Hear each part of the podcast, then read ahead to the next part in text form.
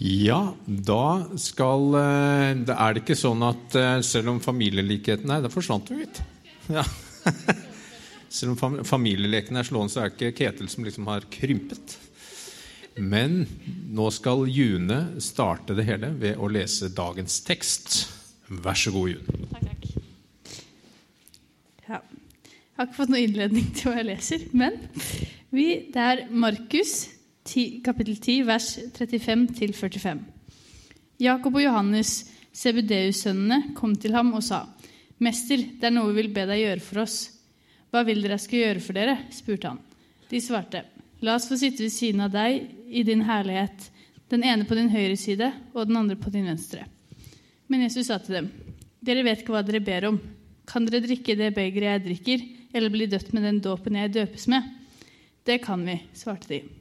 Jesus sa til dem, 'Det begeret jeg drikker, skal dere drikke, og den dåpen jeg døpes med, skal dere bli døpt med.' Men hvem som skal sitte ved min høyre eller venstre side, er det ikke min sak å avgjøre.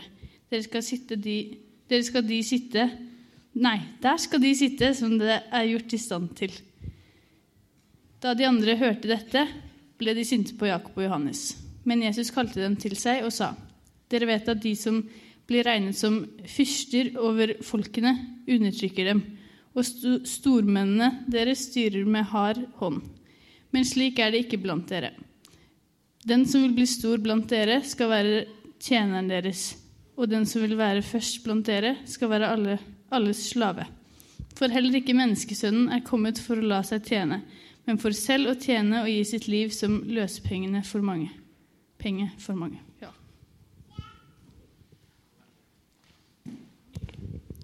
Amen. Takk. Vi ber en bønn. Far, vi takker deg for ditt ord. Så takker vi deg for at du er her med oss. Takk for at du har elska oss med en evig kjærlighet. Du er vår himmelske far, og du har vist din kjærlighet i Jesus Kristus. Så takker vi deg for at du har tømt din kjærlighet inn i våre hjerter ved Den hellige ånd som du har gitt oss. Jeg ber om at uh, ditt ord skal um, bli til dype røtter i oss, som drar næring fra den du er, og som bærer rik frukt i livet vårt. Amen. Uh, forrige gang så forkynte jeg ut ifra Eller om tro, håp og kjærlighet. Um, og med et kall til egentlig å komme tilbake til um, kjærligheten til Jesus. Um, ofte så spør vi med spør vi oss selv kanskje også hvordan står det til med troa vår. Mens kanskje det enda viktigere spørsmålet er hvordan står det til med kjærligheten. Um, og så tenker du ok, um, og så skal du gå videre på det. Hva har denne teksten med det å gjøre? det er i hvert fall en bra tekst. ikke sant?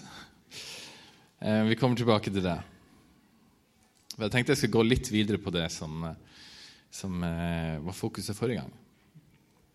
Her ser vi jo disiplene som går med Jesus og på vei til Jerusalem. Disiplene trodde at Messias skulle gjenopprette Guds rike som kongen av Israel. Og de var på vei til Jerusalem som kongens følge. Og naturlig nok så tenker de på ok, vi er med han som er profeten har talt om. Han skal bli konge over, over Israel. Han, være, han er Messias. Hvordan står det til med oss som hans følge?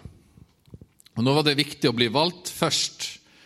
Romerne skulle kastes på havet, og resten av jorda skulle legges under Israels nye konge.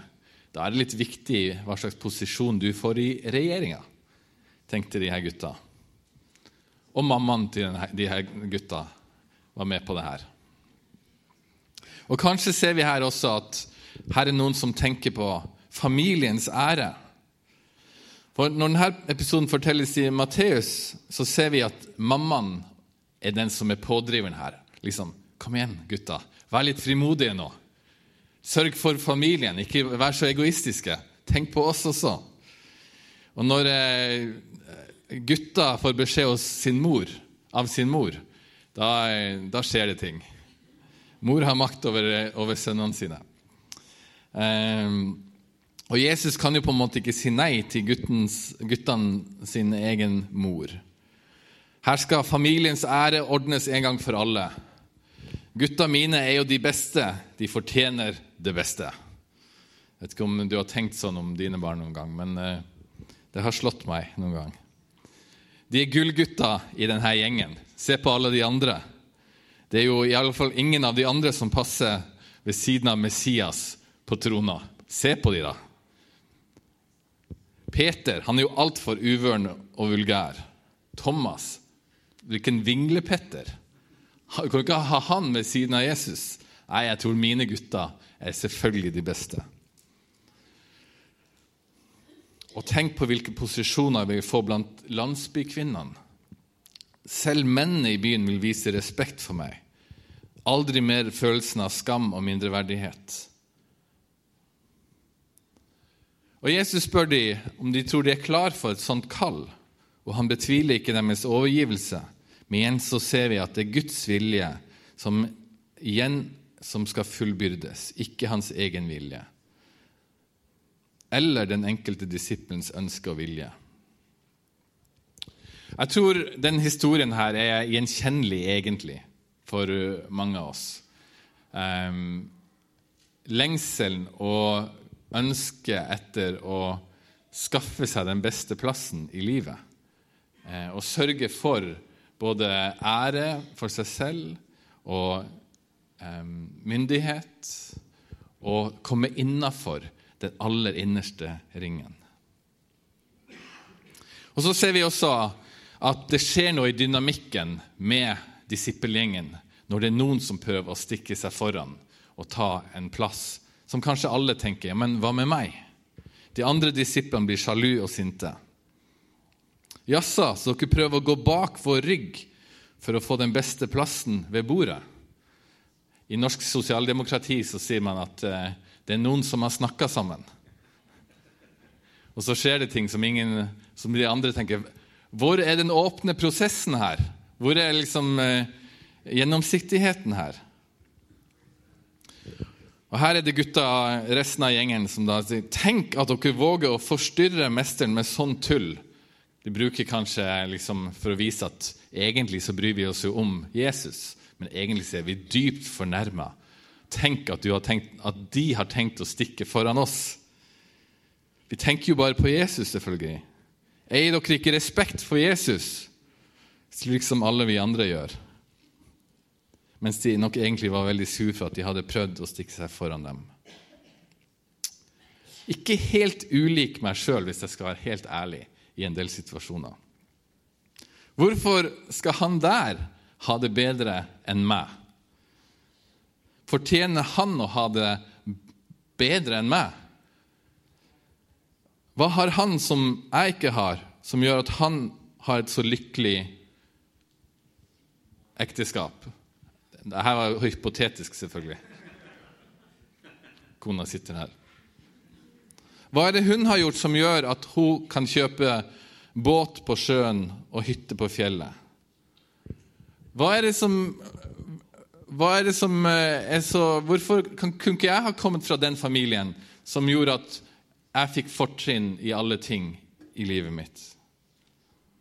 Vi sammenligner oss med andre for å finne ut hvor vi selv står. Og så rangerer vi både andre og oss selv ut ifra de kriteriene. Og så ser vi veldig tydelig her at kiving etter posisjon skaper konflikt. Det skaper konflikter, man knives om hvem som er størst. Um, I Lukas så står det eh, sånn her Nå ble det også en strid mellom dem om hvem som skulle regnes som den største her når de satt ved nattverdsbordet eller med det siste måltidet. Det ble en strid med dem om hvem som skulle regnes som den største.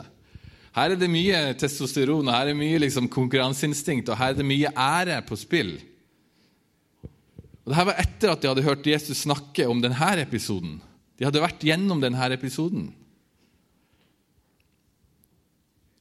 Så ofte er den egentlige grunnen til konflikt i menighet og i livet for øvrig, eller i livet for øvrig og kanskje også i menighet, at vi drives av krefter som ikke tilhører Guds rike. Verden kaller Jesus det. Kjødet kaller Bibelen det. Det det som vi er midt i av krefter i verden, som ikke, ikke tilhører Guds rike, og som ikke kommer fra Guds hjerte, men som allikevel får gjenklang i noe av oss som gjør at vi blir revet med og sier 'Yes, let's go for it'. Og så ser vi, som ofte skjer, at Jesus setter skapet på rett plass. I verden fungerer det etter jaget etter posisjon. Der avgjør posisjon om vi er på toppen, eller om vi blir tråkka på.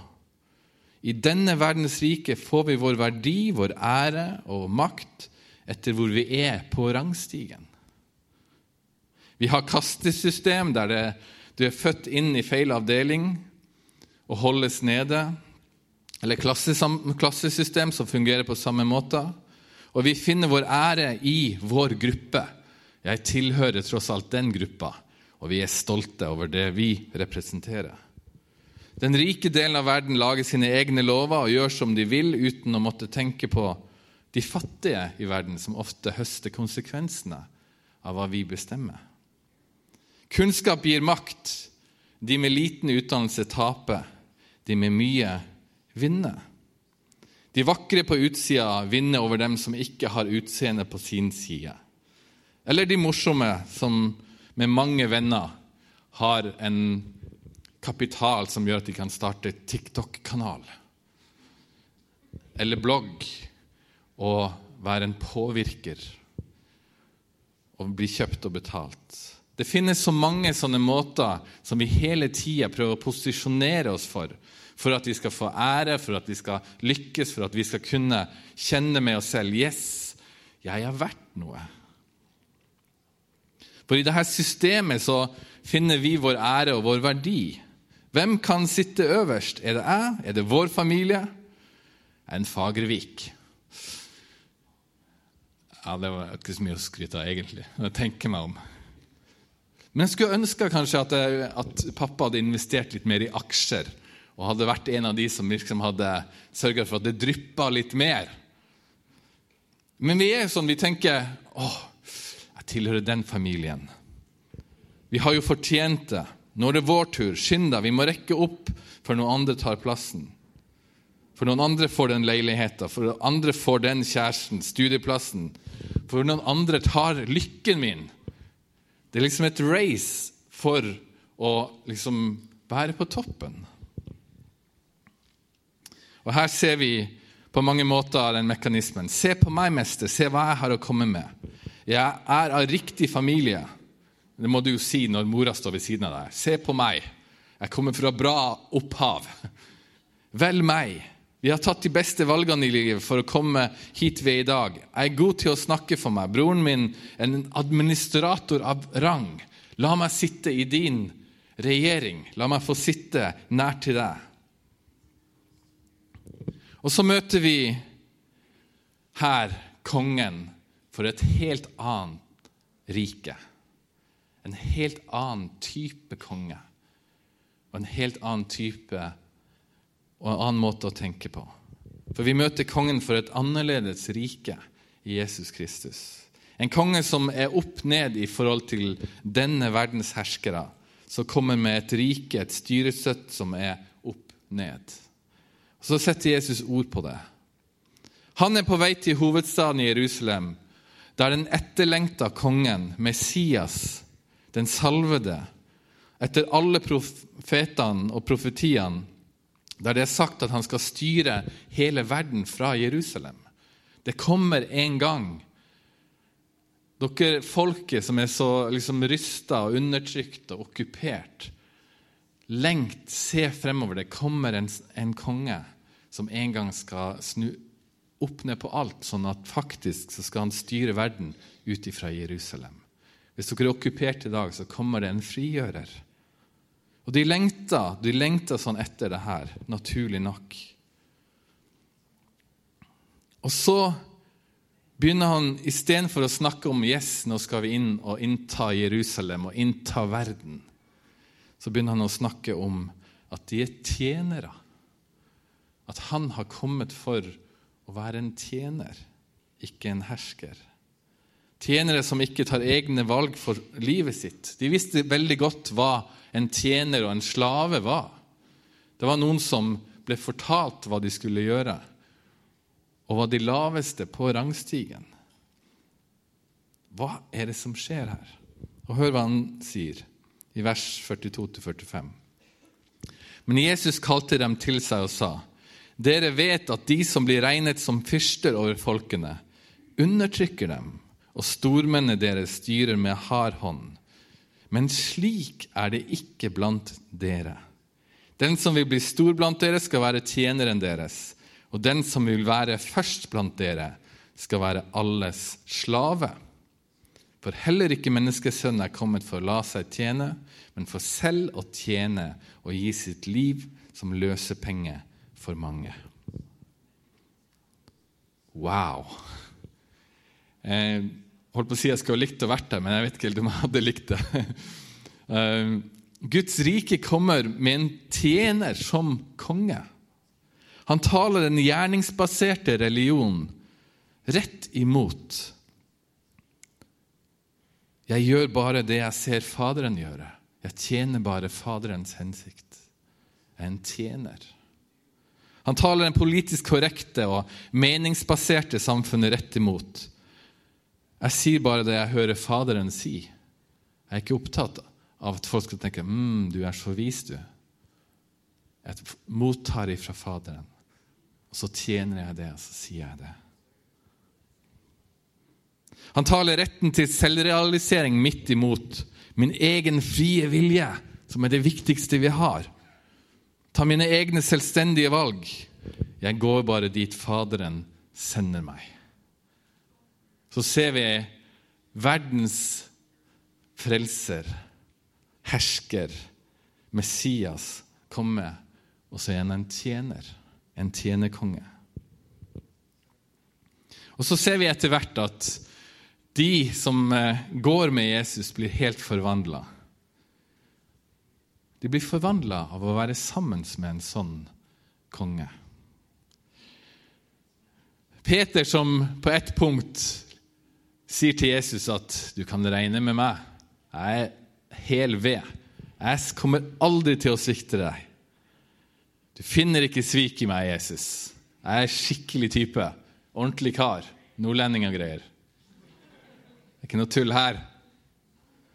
Så vet vi at den natta Jesus blir eh, arrestert, så står han i gården utafor yppersteprestene utafor ypperstepresten og blir pressa. Er ikke du en av de som eh, henger med Jesus, da? Og han banner tre ganger, og han fornekter og banner på Ordentlig nordlending, da. Men uh, han banner på at han ikke kjenner Jesus. Så ser han så, ut i forgården så står han og varmer seg på glørne fra, fra ilden. Og tjenestejenta kommer, kommer og konfronterer han. Så svikter han totalt. Og så ser vi hvordan han blir tatt inn igjen i Jesu favn når han ved et bål på stranda blir gjenoppretta av Jesus. Og så ser vi at den sterke historien om at det som fører til Peters gjenopprettelse og kall, er ikke at han nå blir lova ja, men det går greit, Peter, du skal få den posisjonen du alltid har lengtet etter. Men det at han igjen blir invitert inn i en kjærlighetsrelasjon til Jesus. For hva er det Jesus gjenoppretter Peter med? Han spør han tre spørsmål. Ett for hver av de han fornekta Jesus på. Peter, elsker du meg? Peter, elsker du meg? Peter, elsker du meg? Det er kjærlighetsrelasjonen til Jesus som forvandler Peter. Hans liv blir gjenoppretta, og hans kall og hans autoritet i sin tjeneste kommer med på kjøpet. men et liv som ender med at han, sånn som sin mester, må legge ned sitt liv. Det er Jesu kjærlighet som forvandler dem, det er ikke deres posisjon i et maktapparat eller i livet. Så hva er det som gir oss verdi? Hva er det som gjør at vi har frimodighet i møte med et system og en verden som fort kan sluke oss med sine krav og sine måter å rangere oss på? Som vil banke oss inn i sine rekker. Gi akt, følg vår ordre dersom du skal lykkes. Dersom du skal finne lykke, så må du gjøre det her. Må du følge den veien her.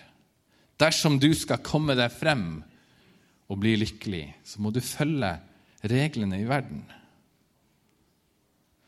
Og dersom du skal slippe å være andres tjenere, så må du presse deg frem og gripe tak i alt du kan her i livet. Det er jo verdens budskap til oss. Men så har vi en konge som sier, 'Kom og legg ned ditt liv og bli en tjener.' Da skal du finne livet.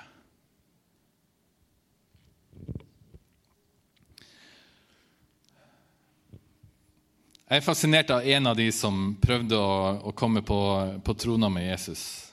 Johannes, som skrev Johannes evangeliet og Johannesbrevene og Johannes' åpenbaring. Han eh, var den som skrev skrev Johannes evangeliet var det evangeliet som ble skrevet sist eh, av alle evangeliene. Og det er jo litt annerledes enn de, andre evangeliene. Men jeg syns han jeg syns Johannes tar munnen full, da. For i sitt evangelie så påstår han at han er disippelen som Jesus hadde kjær. Og i hvert fall her i Norge som liksom, Det må oppleves litt freidig. Og liksom, eh, han skriver det siste av evangeliet, og så må han på slutten av boka liksom få inn at jeg vet hva jeg snakker om, for jeg er faktisk den som Jesus hadde kjær.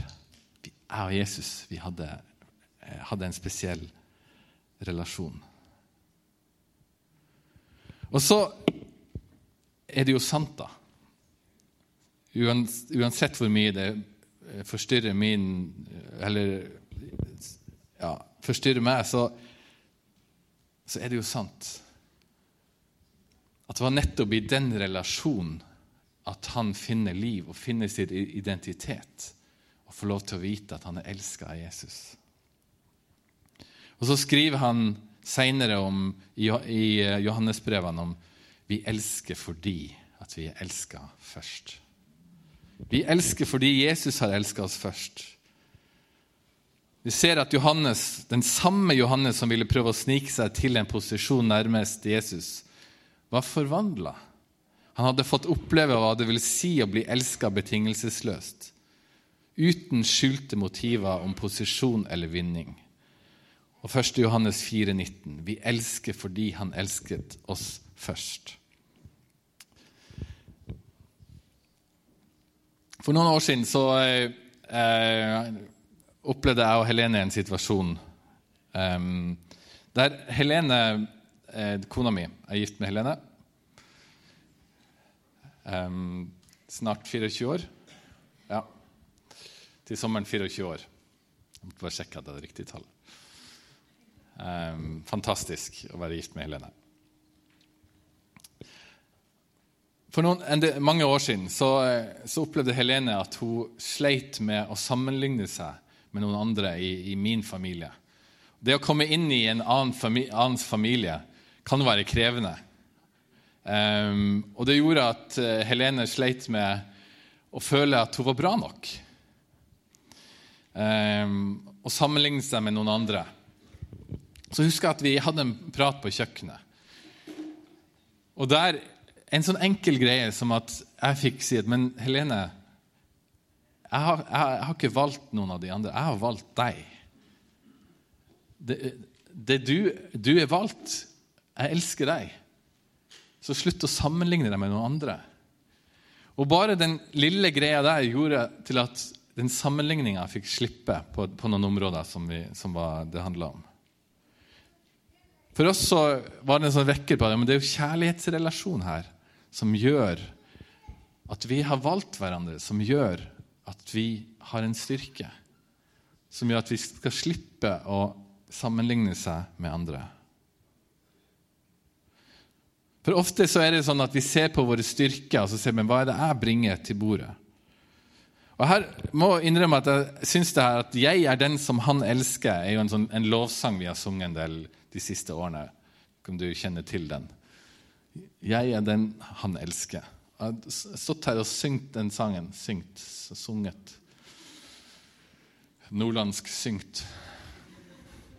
Vi sitter og ser på The Voice, og så ser vi nordlendingene sier at ja, jeg har syngt, og så ler vi. Så står jeg her og så sier jeg 'syngt'. Ja, ja. Vi har stått her og sunget den sangen. 'Jeg er den han elsker'. Og så har jeg tenkt Jeg er den han Litt sånn forlegen. For, uh, jeg, det handler jo ikke om meg. det handler om... Og det er jo for så vidt ikke sant. Det handler om Jesus.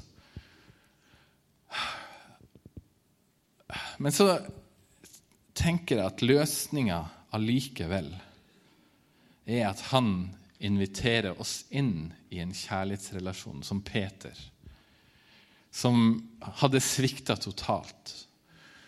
Og hvis vi er alle ærlige i møte med liksom, all ære og hellighet og alle krav og alt Og hvis jeg er ærlig med meg selv, så svikter jeg jo egentlig totalt. Og alle mine forsøk på å karre til meg liksom blir bare et, et løp og et jag som gjør at jeg aldri kommer til å finne fred eller kommer til å finne ro, til å finne min egen identitet i annet enn det jaget. Så jeg hadde en opplevelse at liksom Kanskje gjennom å lese den, noen av de tekstene her om at Vet du hva? Kast unna all den flauheten og tre inn i det rommet der du får lov å si sånn som Johannes. Jeg er faktisk den som Jesus har kjær. Jeg er den som er elska av Jesus. Og hvilken fantastisk frihet det ligger der. Vi hører ofte sagt at Gud er kjærlighet. Um, og ofte så blir det sagt som en, liksom, en blankofullmakt til alt mulig. Ja, ja, men Gud er kjærlighet, så do whatever you want, liksom. Han er kjærlighet, så han Liksom som en sånn full pakke av en pose med kjærlighet som står kjærlighet på, som du bare tar med deg, liksom, og ja, ja, whatever. Uansett hva det gjelder. Men kjærlighet er ikke noe abstrakt i Bibelen. Det er ikke en, et eller annet ting som vi bare liksom en, en sannhet der ute. I Bibelen og i evangeliet så er kjærlighet en person. Og det har blitt Gud med oss. Og det er Jesus Kristus som er sendt til oss. Og Jesus, når han forlot denne verden, så ble Den hellige ånd gitt oss, som gjør at kjærlighet er en person som bor og lever i oss. Som gjør at vi kan få lov til, som Johannes, som det står, at han lente seg på Jesu bryst. Hvis du er her i dag tenkte ah, det høres litt sånn washy-washy-wishy ut, så er det faktisk mye mindre washy-washy-wishy enn liksom, Gud er kjærlighet, whatever. For det er washy-washy-wishy. Mens det å faktisk møte en person er reelt. Det å være fellesskap og ha sant fellesskap med en person.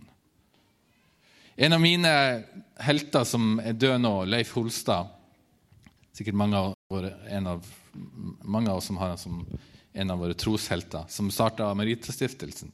Han pleide alltid å snakke om Den hellige ånd ved å si at den iboende er Kristus. Jeg syns det er så fantastisk. Den iboende Kristus, Kristus som bor i oss ved Den hellige ånd. Guds kjærlighet til menneskeheten, til deg og meg, til universet, til alt, er Jesus Kristus, som ble gitt som denne tjenerkongen, den lidende kongen, den lidende tjeneren. Og han har vi fellesskap, og du inviteres inn i. Ketil, elsker du meg? Ketil, elsker du meg? Yes.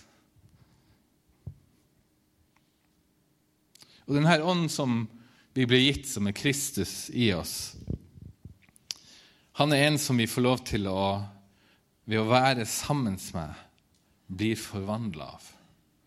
Fra å være noen som hele tida prøver å karre oss opp og skape vår verdi eller finne vår lykke, til å bli en som vi får gå og vandre med bare være sammen med. Og når Han elsker oss, så vekkes en kjærlighet i oss. For Han elsker oss først, sånn at vi kan elske. Og gjennom det så forvandles vi. Og det her ånda som er gitt oss i 2. Timoteus 1,7, et sånn viktig vers, det står der For Gud ga oss ikke en ånd som gjør motløs. Vi fikk ånden som gir kraft, kjærlighet og visdom. Og det er det en relasjon til Jesus ved Den hellige ånd gjør med oss. Den gir oss kraft. Du trenger ikke å eh, kjempe for kraften. Den gir oss kjærlighet. Vi trenger ikke å gjøre oss fortjent til kjærlighet. Og den gir oss visdom, konkret inn i våre liv. Ikke wishy-washy eller abstrakt eller intellektuelt. Selv om intellektuelt er sant og abstrakt er det sant og alt, så er det at vi inviteres inn til et liv der vi får lov til å gå med Jesus. Så jeg vet ikke hvordan du tenker, hva din identitet, hvordan den ser ut. Um, men jeg lengter etter og håper at jeg på slutten av mitt liv, i hvert fall som, Peter, nei, som Johannes, som kanskje var en gammel mann når han skrev det, så håper jeg at når jeg er ja, Jeg begynner jo å li på årene, holdt på å si. Jeg begynner å samle år. Men jeg håper at jeg bare skal vokse og vokse i denne her identiteten og kunne få lov til å snu meg tilbake og se at ah, jeg er en som Jesus elsker. En som Jesus har kjær. Jeg er den som Jesus har kjær. Jeg hørte en forkynner eh, fortelle om en eh, en eh, situasjon en dag. Han eh, jobba i menighet, og så var det noen i, i, som jobba med websiden deres, som skulle komme på besøk og ta bilde av han til websida. Så var han litt gretten og tenkte ah, det, her har, det passer ikke i dag. Han har glemt avtalen. Og så kommer de liksom med fototeam og setter lys og alt. og han liksom, ah, Get it over with. Må bare komme meg gjennom det her. Ta bilde av meg. Uh, og Så forteller han om hva som skjedde. fordi Det er sikkert sånn digitale som du kan se på bildene med en gang. Og så Etter hvert som det her eh, fototeamet begynte, begynte, å ta bilder av han, og så begynte de ah, det ser bra ut. Du er, er bra i dag. Og liksom eh, Kompliment på kompliment. Og så, så endra hele hans vesen seg, sier han. Hele humøret hans endra seg ettersom det her fototeamet begynte liksom eh, eh, smigrende. Men oppriktig sier ja, men det her er jo kjempebra. Se på det her. Liksom Snu kameraet. Se, se, hvor bra du ser ut her på det her. Det her, blir, her er supert. Og han liksom ble helt endra, hele hans vesen. Og så slo det han, så sier han det her, at det han opplevde, var at det er noe spesielt med å være i samme rom med noen som syns du er vakker. Og Det syns jeg er så fint sagt. Det er noe spesielt med å være i samme rom med noen som syns du er vakker. Jeg vet ikke om du tør å tenke sånn om det rommet som du deler med Gud. At når du trer inn i hans nærhet, når du bruker tid med han, så er du faktisk i et rom med en som syns du er vakker. Det er noe spesielt med å være i et rom med en som syns du er vakker. Jeg håper du har opplevd det i det menneskelige. Men det er kanskje noen som aldri har opplevd det. Å få bare være i en relasjon og et rom, en familie, der du bare Ved å komme inn i rommet så merker du at den andre personen eller de andre, de, de fryder seg over deg. De ser på deg, og så tenker de åh, så vakkert. Det å bli invitert inn i etterfølgelse av Jesus og komme inn i Guds familie Det handler om at vi kommer og får vår identitet helt forvandla. Og den identiteten blir forvandla av Guds kjærlighet ved Jesus Kristus, ved Den hellige ånd i oss. Og Det betyr at han ikke lenger ser på oss som syndere, men som hellige. Han ser på deg og tenker du er vakker. At han ikke lenger behandler oss som noen andres barn, men som sine egne. Det er forskjell når mine egne barn er hjemme, eller noen andres barn er hjemme hos meg. Eh, er, jeg må helt ærlig må jeg si at jeg har mye større kjærlighet for mine egne barn.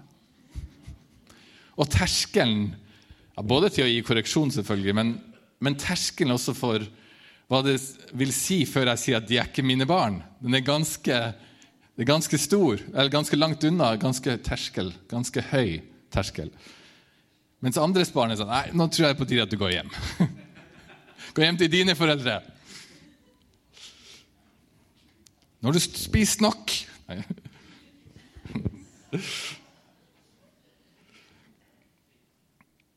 Han behandler oss ikke lenger som noen andres barn, men som sine egne. Han ser på oss med en fars kjærlighet, med en mors kjærlighet. Og han syns at vi er vakre som en brud som pyntes på vei mot bryllupsfesten, mot møtet med sin brudgom. Og hans plan for vår fremtid er bare gode og fulle av håp.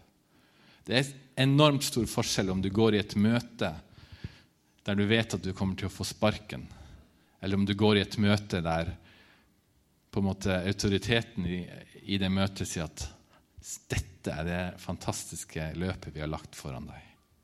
Og det er relasjonen med Gud og vår identitet. Derfor er det å bli la oss elske av Gud det er livsforvandlende og helt essensielt. Og det eh, Vi hadde, hadde sånn, eh, I stabsmøtene våre så pleier vi å ha sånn gjennomgang av forkynnelsen. og Da får man høre det. om man eh, Eh, kunne ha lagt litt mer vekt på det, eller hva mente du med det? eller... Vi er snille med hverandre. Men, eh, men, vi snakker liksom om det. Hvordan oppleves forkynnelsen? og sånn. Og En av de tilbakemeldingene fra forrige gang var liksom Ja, det var, eh, det var bra, men satt, hvordan, gjør, hvordan, gjør, vi det her? Hvordan gjør vi det her med, med å elske Jesus? Hvordan, hva er applikasjonen? Så tror jeg at eh, det må begynne med så noe så enkelt som evangeliet om at du er elska. Du er elska av Gud. Kom inn og tre inn i det rommet der det den som syns du er vakker, er. Du må la oss elske av Gud. Og For noen så er det, og for meg som står her og synger den, jeg er den han elsker, som det smaker sånn flaut på, på tunga når jeg synger. For meg så er det kanskje en, en, prosess der man må komme forbi det og faktisk akseptere på et vis og bare si yes. Jeg har, jeg har nådd bunnen av meg selv. Jeg har nådd enden av meg selv. Nå hjelper ingen annen, andre ting enn faktisk bare få lov til å bli elska. I Judas 1,21 så står det noen fine vers. Det står det, Bli værende i Guds kjærlighet mens dere venter på at vår Herre Jesu Kristi barmhjertighet skal føre dere til evig liv. Bli værende i Guds kjærlighet. Hva er, hva er liksom kallet vårt? Åh, bli værende i Guds kjærlighet. Det er en invitasjon inn i møte med Guds kjærlighet. Og den åndens gjerning, det er en invitasjon inn i det rommet der du får lov til å ha fellesskap med Den hellige ånd som er en person som bor i deg og i oss, og som gjør et verk i oss når vi møter ham. Derfor tror jeg at det, det finnes måter å praktisere et kjærlighetsrelasjon på. Hvis jeg skal bygge kjærlighetsrelasjon til min familie, så er jeg nødt til å møte opp. Det er liksom første. Møt opp. Eh, jeg kan, jeg kan, sitte på avstand og sende mail, og jeg kan liksom Ja, ja, jeg elsker dere jo. Jeg er jo en far som elsker dere. En mann som Jeg har jo sagt en gang for 24 år siden snart at jeg elsker deg, Helene. Stol på det. Jeg sender penger av og til, liksom. Nei, det å møte opp, det å faktisk gå inn i det rommet der du er sammen med den personen som du elsker, og som ser på deg, og, og som du nyter den kjærlighetsrelasjonen i. Derfor tror jeg det er, det er et, kalt et enkelt kjærlighetsrelasjonsliv med Jesus, som er på en måte steget vårt. Og til avslutning så er det invitasjon gjennom kanskje forrige forkynnelse og den her også. Tre inn i det rommet. Bruk tida sammen med Jesus. Vel å sette av tid i livet ditt der du faktisk stopper opp og bare tenke 'Jesus, nå er det jeg og du. Himmelske Far, jeg er her. Du er her.' Jeg hørte en eh, kristen leder snakke om Han, han er afrikaner. Han snakker om eh, Ubuntu-filosofien. Eh, og Det syns jeg var så vakkert. Han snakker om det i konteksten av bønn. Når du I Ubuntu-kulturen så når du møter noen, drar på besøk til noen, så det du blir møtt med av hilsen, er Da blir det sagt 'Jeg ser deg'. Og så svarer den som kommer, da, 'Jeg er her'. Og Jeg tenker det var så fantastisk. Og at det passer så utrolig bra inn her. Tenk om du bare kan få lov til å si 'Nå stopper jeg opp'. Og så får du lov til å gå inn i det rommet der Jesus får lov til å si 'Jeg ser deg', så kan du få lov til å si 'Jeg er her'. Den som er sammen med Jesus, den som tilbringer tid med Den hellige ånd, den som sitter i Faderens nærvær, blir forvandla av en kjærlighetsrelasjon som taler til oss, som virker i oss, og som former vår identitet, som gjør at vi får lov til å si at jeg er den som Jesus elsker. Det er min identitet. Bort fra distraksjoner, for å stoppe opp i det rommet der det å være forent med Kristus er det vi lever i. Peter, elsker du meg? Ketil, elsker du meg? Eller Anna, elsker du meg? Hans, elsker du meg? Så får vi lov til å si ja, jeg er her. Så kommer han og, og gjør sitt verk i oss. Amen. Kjære far, vi takker deg for at du har elska oss med en evig kjærlighet. Vi takker deg for at din kjærlighet ikke bare er et konsept eller noen fine ord, men det er handling, det er person, det er lidelse og død, og det er oppstandelse og liv. Og det er trøst, og det er nærhet, og det er virkelig kjærlighet på innsida ved den iboende Kristus. Det er din Hellige Ånd som har tømt din kjærlighet i våre hjerter.